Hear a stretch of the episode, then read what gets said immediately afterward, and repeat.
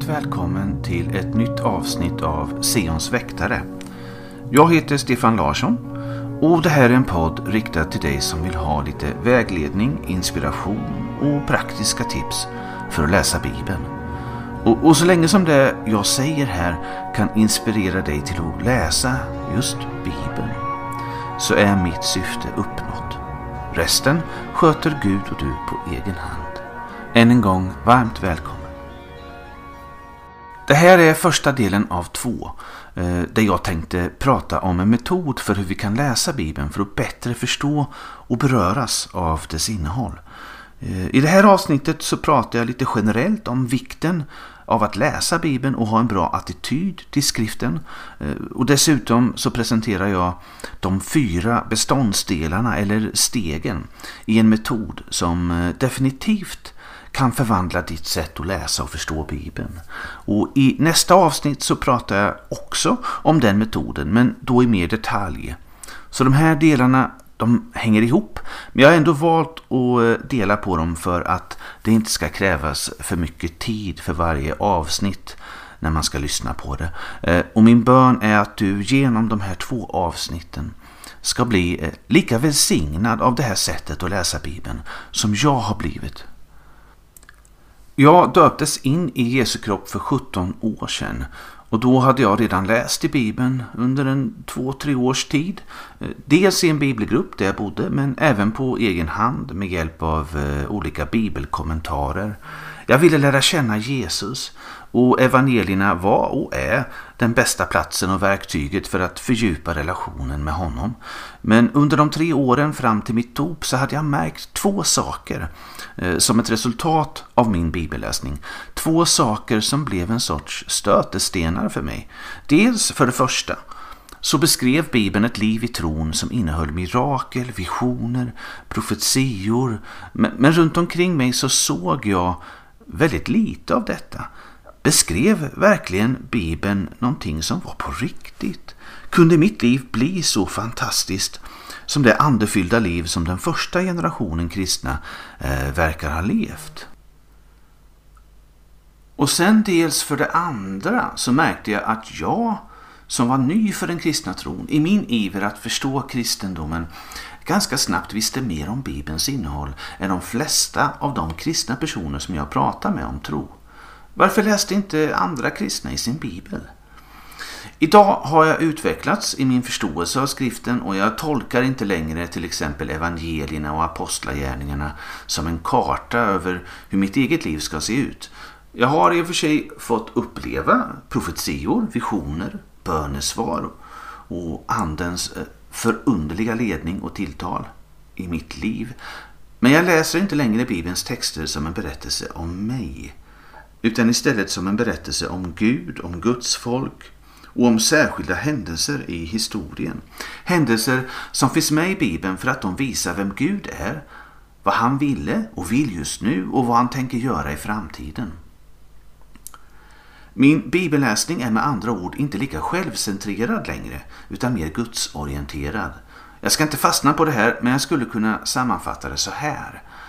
Ju mer jag har läst och förstått av hela Bibelns innehåll desto mindre problem har jag fått med hur mitt eget lärjungaskap och mitt kristna liv ser ut. Trots att jag har mycket att kämpa med eh, i mitt vardagsliv. Och jag menar inte på något sätt att eh, jag har eh, befriats från idéer om helgelse eller att vi ska leva värdigt Jesus eller andra saker. Men Kanske har jag tidigare försökt eh, se just eh, många texter i Bibeln som en sorts manual för livsstil. Men idag så har jag, läser jag med, med större hopp och förtröstan på Gud och vad Gud kan och ska göra än vad jag borde göra. Jag skulle vilja påstå att det var en ytligare och mer snuttifierad läsning av Bibeln som tidigare gjorde att jag använde Bibeln som en måttstock. Både för mitt eget liv och för mina kristna medmänniskors liv. Idag läser jag Bibeln på ett annat sätt. Idag är jag drabbad av den stora berättelsen som ryms från perm till perm. Där jag nästan helt kan glömma bort mig själv. Den berättelse som fortfarande pågår. Idag läser jag för att möta Gud och bit för bit låta min egen tankevärld formas av Guds tankevärld. Idag ser jag Bibeln som ett mirakel i sig snarare än en manual över de mirakel som jag ska vara med om i min vardag. Det är helt fantastiskt att Gud har skrivit Bibelns alla böcker genom ett fåtal människor som inspirerats av Guds heliga ande att skriva exakt de ord som Gud ville ge mänskligheten. Varje bok i Bibeln är ett mirakel. Och när du håller i Bibeln så håller du alltså i 66 mirakel. För Bibeln har kommit till på ett övernaturligt sätt. Och när du läser Bibeln så ser du rätt in i ett ännu pågående, verkande, levande mirakel. För Guds ord innehåller fortfarande kraft. Kraft att förändra och förvandla både mitt och ditt liv. Så det första hindret som jag fick i min bibelläsning, det här att jämföra mitt liv med Bibelns berättelser, det är idag inte längre ett problem. Visst längtar jag, visst tror jag att Gud ger av allt det goda som omnämns i Bibeln. Men i den läsning som jag har idag så fylls jag mer av hopp än av frustration. Eh, men den andra punkten, den om att kristna personer har en ganska skral läsning av Bibeln, eh, den är tyvärr fortfarande ett problem. För jag har efter över 20 år av församlingsliv inte kunnat landa i något bra skäl till varför en person som påstår sig vara kristen inte läser i Bibeln varje dag för att möta Gud och byggas upp av honom. Och jag vet att det här låter fruktansvärt när jag säger så för många kristna. Eh, men inte av det skäl som kanske en utomstående icke-kristen person skulle tänka, en hedning. För det fanns en tid när jag var just en hedning, icke-kristen. Och var det något som jag trodde om kristna då, så var det att de läste Bibeln. Det var ju deras heliga bok. Men vi kristna som hör det som jag nyss sa om förväntningen på att vi kristna borde läsa Bibeln, vi uppfattar det inte som en pinsam avvikelse när man påpekar att kristna inte läser Bibeln, utan oftare så kan vi uppfatta det som ett lagiskt krav, en kravfylld andlighet, och det kan förstöra relationen med Gud. Förväntningar på ett visst beteende kan då betraktas som ett slags symptom på att någonting är fel i ens andlighet.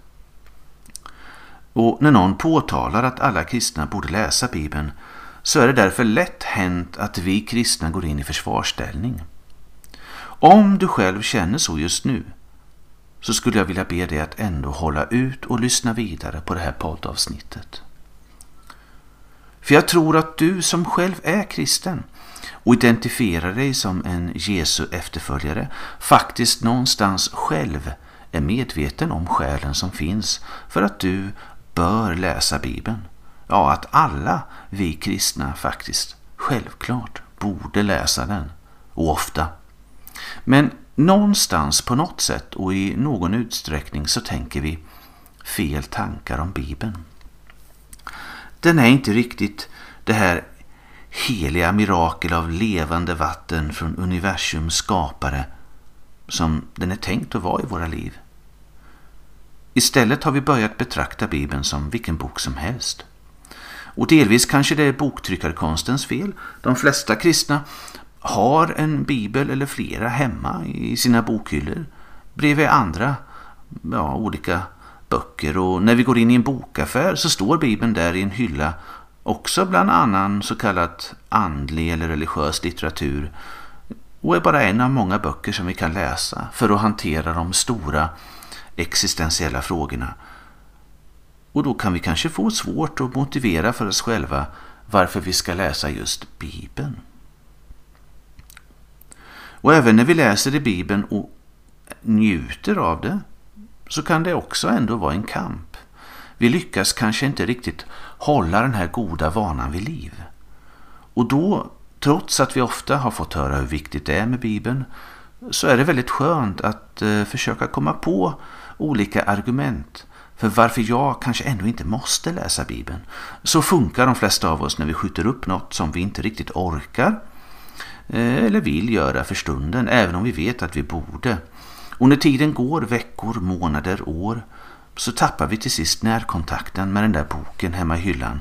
Den som samlar damm bredvid andra böcker som jag inte har läst. Och när jag väl tittar på Bibeln så kontrar mitt samvete på en millisekund med ett argument för varför jag kan fortsätta vara kristen och en god kristen dessutom utan att läsa Bibeln.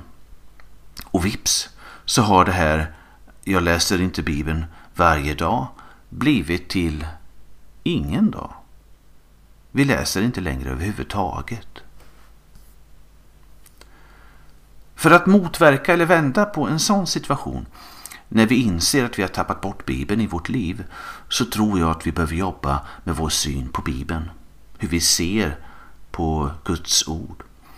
Om vi mer och mer kan börja vinna tillbaka vår respekt för Bibeln och påminna oss om vilken unik och viktig bok det faktiskt är så har vi vunnit mycket i vår strävan att läsa mer i den. Och därför skulle jag vilja uppmuntra dig till att öva dig i att tänka annorlunda om Bibeln. Och det är som ett första steg i en metod för att läsa Bibeln på ett bättre sätt. Jag säger inte att jag lovar dig att du kommer att älska och njuta av varje släktlista i Bibeln. Eller att alla lagsamlingar känns enormt inspirerande att läsa igenom.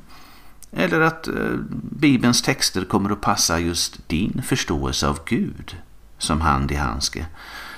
För det kommer alltid att finnas passager som är svåra och utmanande av olika skäl. Men även de här texterna kan sättas i ett sammanhang av Bibelns budskap och få vara en del av en enda hel Bibel som du kan lära dig att älska och längta efter för att där får du umgås med Gud. Och när vi kan vinna den attityden då kommer vår bibelläsning på ett helt naturligt sätt bli något helt annat än den här kampen som vi nog de flesta av oss kan uppleva. Så det har väldigt mycket med vår attityd att göra. Om du påminner dig om Bibelns faktiska natur som ett mirakel från Gud så kommer Bibeln med tiden mer och mer att bli som en person, som Guds heliga ande, som du möter när du slår upp för att läsa. Och jag menar inte uppmuntra till någon sorts bibeldyrkan här, men vad jag menar är att skiljelinjen är tunn mellan att läsa vad Gud säger i Bibeln och att faktiskt få det sagt direkt från Gud själv. För det är Gud som pratar till dig genom Bibeln. Och det var så de tidiga kristna såg på Bibeln. I Nya testamentets böcker så kan vi läsa hur Bibeln säger saker, eller skriften eller lagen, lika ofta som det står att Herren eller Gud säger något. I Bibeln så är det Gud som talar. Bibeln är inte vilken bok som helst. Så steg nummer ett som sagt i en livsförvandlande bibelläsning det är att se Bibeln som Guds heliga ord, inte som kiosklitteratur. Och i några kommande avsnitt så kommer jag också hjälpa dig att få en bättre koll på hur kristna traditionellt har sett på Bibeln och på vad Jesus sa om Bibeln. Som kristna är det ju logiskt att vi tar rygg på Jesus och tänker som han tänkte. Och med detta sagt så vill jag nu avslutningsvis nämna eh, de fyra praktiska stegen i den här metoden för att läsa Bibeln eh, som jag vill rekommendera för att Bibeln verkligen ska få fatt i dig. Vi skulle kunna kalla det för fyra praktiker eller övningar. Eh, fyra saker att göra som gärna följer på varandra som steg. Men man måste inte göra dem i en viss ordning. Snarare så är det ofta så att de här fyra sakerna finns bredvid varandra. Eh, som mest hela tiden. Och när du börjar med en ny bibeltext så kan det kännas som att du vill följa ordningen men vartefter du fortsätter läsa i en bibelbok så eh, som sagt kommer de här fyra sakerna ligga bredvid varandra. Och eh, de kommer leda till att du får uppleva mer glädje och förundran och förvandling i din bibelläsning. Kortfattat så handlar det om 1. Att läsa bibeltexten. 2. Att reflektera, att tänka kring bibeltexten och de intryck du har fått. 3. Att lära sig nya kunskaper om den bibeltext du håller på att läsa. Och 4. Att läsa samma bibeltext en gång till efter att du både har reflekterat och lärt dig nya saker. Jag tar det här en gång till. 1. Läs bibeltexten. 2. Reflektera. 3. Lär dig nya kunskaper. 4. Läs samma bibeltext igen. Och sätter vi ihop det här med det här första försteget som jag nämnde med attityden att tänka rätt kring Bibeln. Då kan vi säga så här att det egentligen är en femstegsmetod. Eller fem praktiker, fem övningar. 1. Se på Bibeln som Guds ord. 2. Läs en bibeltext som om det vore Guds ord till dig. 3. Reflektera över vad texten betyder, vad Gud vill säga till oss människor och till dig personligen. 4.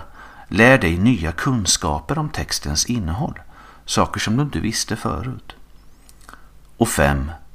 Läs samma bibeltext igen, nu med en bättre förståelse av Guds budskap och med dina egna tankar och reflektioner. Den här metoden kommer jag prata mer om i nästa avsnitt eh, och diskutera mer i detalj hur det kan se ut i praktiken. Och det här låter, eh, hoppas jag, väldigt enkelt. Och det är faktiskt väldigt enkelt.